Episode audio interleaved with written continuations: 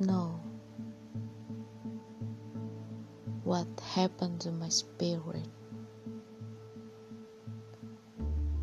It's the churn like a wave. Sometimes it becomes fire, to running like a wild horse, or just a calm as the grass in the wind in the desert.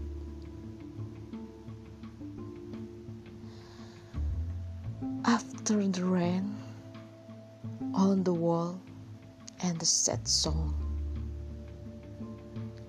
I will welcome the disabled spirit.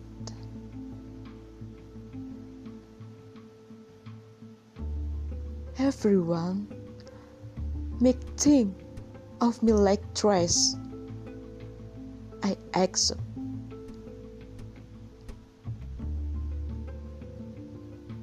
I give the courage of my heart a lamp of swear of those people. It's like a dream. I want to end what the spirit is doing.